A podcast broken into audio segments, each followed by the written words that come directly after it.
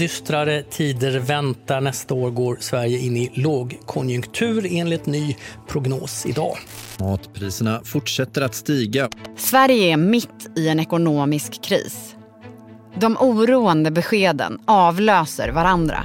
Inflationen stiger, räntorna stiger, energipriserna stiger. Höga räntor drabbar hushållsekonomin. Man får betala mer på sina bolån. Och mitt i detta står mannen som ska rädda Sverige från inflationen. Riksbanksstyrelsen har utsett Finansinspektionens generaldirektör Erik Thedéen. Det han måste göra är en balansakt. För han måste få ner inflationen men utan att krascha svensk ekonomi och göra hundratusentals svenskar arbetslösa. Vart tog lågkonjunkturen vägen? När kommer den? När kommer den? När kommer den? Kommer han att klara det? Från Dagens Nyheter. Det här är Spotlight. Idag om den nya riksbankschefen. Klarar han att rädda Sveriges ekonomi? Jag heter Evelyn Jones.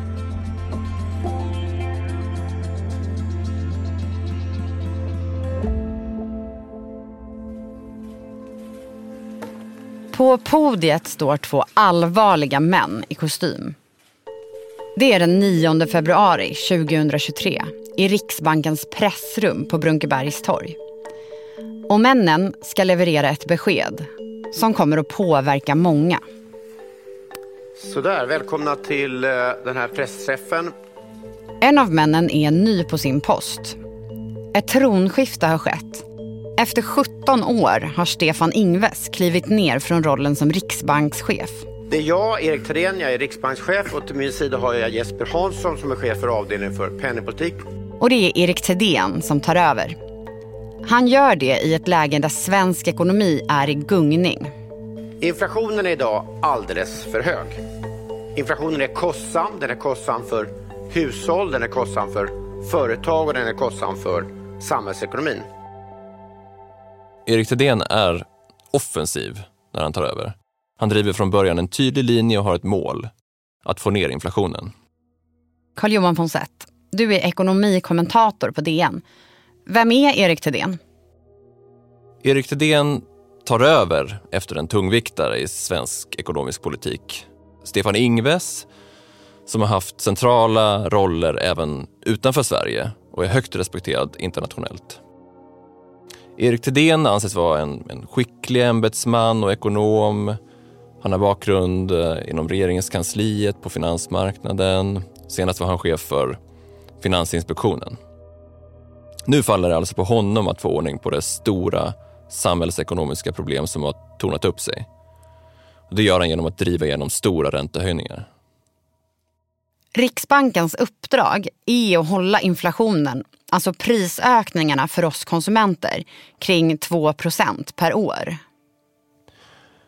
Och när Erik Thedéen tar över ligger inflationen på 10% Matinflationen är den högsta sedan Koreakriget i början av 50-talet. Det är skarpt läge. Hur har det blivit så? Efter en lång period med, med väldigt låg inflation och problem för Riksbanken och andra centralbanker att nå upp till målet på 2 så börjar priserna i många länder att stiga under 2021. De fortsätter att stiga under den kommande vintern och sen i februari 2022 invaderar Ryssland Ukraina. Det är självklart så att det är det mänskliga lidandet i Ukraina som är värst just nu, men det här får också ekonomiska konsekvenser. Det blir en stor chock i den globala ekonomin. Priserna på olja, fossilgas, vete och många andra råvaror skenar. Man kan säga att det är pandemin i kombination med Rysslands krig som får hela världsekonomin ur balans. Det släpper lös inflationen. Så tillbaka till presskonferensen. Vad är det då för besked som de här två männen kommer med? Så en enig direktion fattade igår beslutet att höja styrräntan till no från 2,5 till 3 procent, alltså med 0,5 procentenheter. Det betyder att räntan i Sverige på mindre än ett år har gått från 0 till 3 procent. Och riksbankschefen han säger att det här är inte den sista höjningen. Vi signalerar också att räntan kommer höjas mer i vår. Vi har ju ett möte i april med 25 eller 50 punkter. Vad innebär det här? Ja, när Riksbanken höjer sin styrränta så följer resten av räntorna och ekonomin med upp. Människor tar mindre lån, företag investerar mindre och räntebetalningarna äter upp en större del av budgeten. Samtidigt sjunker värdet på aktier och fastigheter och sammantaget fungerar det som en broms på samhällsekonomin. Hjulen snurrar långsammare och det hindrar också inflationsprocessen. Och den svenska inflationen måste ner. Men att lyckas med det innebär en avvägning. För risken är att man samtidigt kraschar den svenska ekonomin och slungar ut hundratusentals människor i arbetslöshet. Och nu skickar ekonomin dubbla signaler om vad som behöver göras. Då är det lite grann som att ena handen på spisen och andra i frysen. Så i snitt är det ganska bra temperaturer men det är liksom inget speciellt behagligt.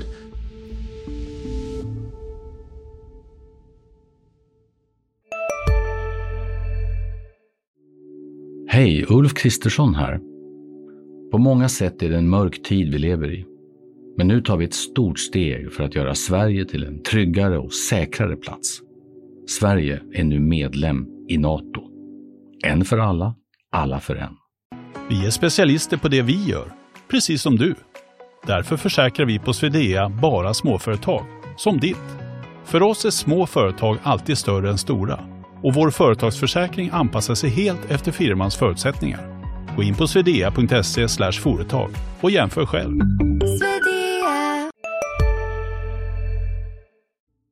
Under vintern 2023 spås Sverige få den absolut värsta konjunkturnedgången i hela EU.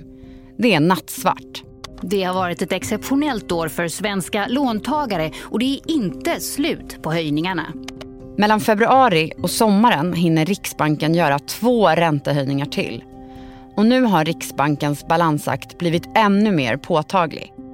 Inflationen har inte sjunkit så snabbt som man trodde samtidigt som lågkonjunkturen kommer allt närmare.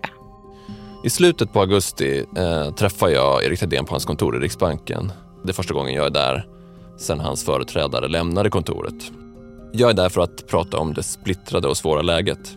Carl-Johan, vad är det för läge? Vad är det som riksbankschefen måste balansera? Riksbanken och många andra centralbanker har på ja, drygt ett år höjt räntorna snabbare än de gjort på många decennier. Men haken är också att den, den här beska medicinen verkar med ganska lång fördröjning. Ibland räknar man med att det tar uppåt två år för en räntehöjning att få full effekt i ekonomin. Ja, men hur vet man då att man tar i lagom? Den frågan är omöjlig att besvara och risken om de höjer för mycket är ju att pendeln svänger för långt att räntehöjningarna tar för hårt och att vi får en djup lågkonjunktur med hög arbetslöshet, kanske en finanskris. Inflationsprocessen har satts igång av yttre impulser i världsekonomin. Men kraften i processen är så stark att Riksbanken ser sig tvungen att dra i nödbromsen och styra om svensk ekonomi. Och ett problem för Riksbanken är att läget nu inte alls är som det står i läroboken. Förr har man talat om något som har kallats det gudomliga sammanträffandet. Det är liksom idén att inflationen är hög när, när ekonomin är het och låg när ekonomin går igenom en svacka. Och då fungerar styrräntan eh, som ett reglage med dubbel effekt kan man säga. Den styr inflationen mot en jämn nivå kring målet på 2% och den stabiliserar samtidigt konjunkturen. Men så är det inte nu. Riksbanken höjer räntan trots att vi närmar oss en lågkonjunktur. Det gudomliga sammanträffandet gäller alltså inte. Och varför är hotet om lågkonjunktur särskilt stort i just Sverige? Det har att göra med att svenska hushåll har höga skulder, bolån framför allt, och att vi sällan binder räntan. Så när räntorna stiger känns det snabbt. Det här är något som Erik Thedéen själv har varnat för många gånger under sin tid som chef för Finansinspektionen. Det är den myndighet som bland annat bevakar bolånemarknaden. Och det här mönstret gör att Sverige ses som en extra räntekänslig ekonomi. Och bedömare har ju länge sagt att det kan bli ett nattsvart läge för svensk ekonomi under året. Men har det blivit så då? Hittills har den bilden inte besannats. Svensk arbetsmarknad mår toppen. Arbetslösheten fortsätter att sjunka. Sysselsättningen har aldrig varit så hög som nu. Tillväxten viker visserligen, men än så länge bättre än väntat. Det låter ju bra.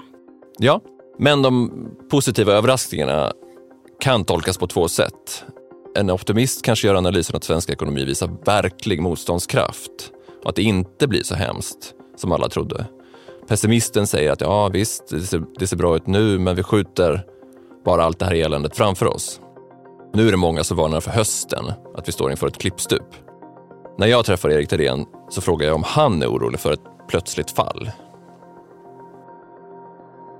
Är du spänd eller oroad inför hösten? För det, det, tonläget i en del prognoser och kommentarer från ekonomer är liksom att det nu, nu kommer verkligheten ikapp, nu går botten ur ungefär. Nu, de kommande månaderna. Men jag, ska vara, jag ska vara ganska direkt på den där frågan. Att ja, det finns, jag tycker vi, det finns lite för många ekonomer som säger att i och för sig har det varit bra nu men alldeles strax går det riktigt illa. Mm. Det är inte så ekonomier fungerar om man inte får chocker. Vi kan få gud förbjude, eh, 9-11 eller pandemier, då, då händer saker så här. Jag, jag, eh, jag tror att det är så att säga eh, den här typen av snart stoppar allting upp och då kommer verkligheten ikapp och då kommer allting. Det tror jag inte. Trots att inflationen har sjunkit något sen Erik Thedéen stod där på pressträffen i februari så är han inte nöjd. För samtidigt har den spridit sig till nya sektorer. Ja, för mat, bensin och el har blivit billigare senaste halvåret och året. Men att gå och klippa sig och bo på hotell och äta ute har blivit betydligt dyrare. Det är det Erik Thedéen menar när han säger att det är som att ha ena handen i frysen och andra på spisen. Läget är splittrat och svårtolkat. Och svenskarna är oroliga. Det kommer larm om att hushållen närmar sig en ekonomisk smärtgräns. Och svenskarna utmärker sig som särskilt dystra kring ekonomin om man jämför med människor i andra länder. Det är inte så konstigt att många är oroliga när det har larmats i över ett år om att lågkonjunkturen är på väg. Varje ekonomisk prognos det senaste året har målat utvecklingen i väldigt mörka färger. Och inför hösten kallar regeringen till presskonferens på Harpsund. Alltså äter du i duschen? Nej, det gör jag verkligen inte. Men alla gör ju det nu. Duschsnacks, Frans. Vilka är alla? Ja, men alla på TikTok och bloggar och allt möjligt. Så det är, de har en tallrik i duschen och så är det lite så här oliver och ostbågar typ. Nej men gud, tapas. Där drar jag gränsen. Jag, jag kan sträcka mig till duschöl. Men annars så får man torka sig innan man hugger in på godsakerna.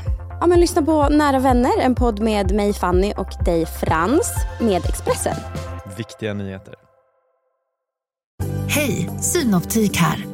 Hos oss får du hjälp med att ta hand om din ögonhälsa. Med vår synundersökning kan vi upptäcka både synförändringar och tecken på vanliga ögonsjukdomar. Boka tid på synoptik.se.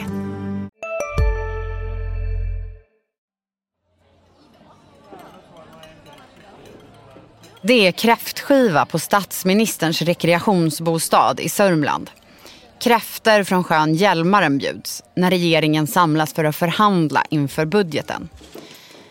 Efter förhandlingarna kliver Elisabeth Svantesson, finansministern, fram på scen. Det är ju minst sagt ett väldigt speciellt läge som vi befinner oss i i Sverige.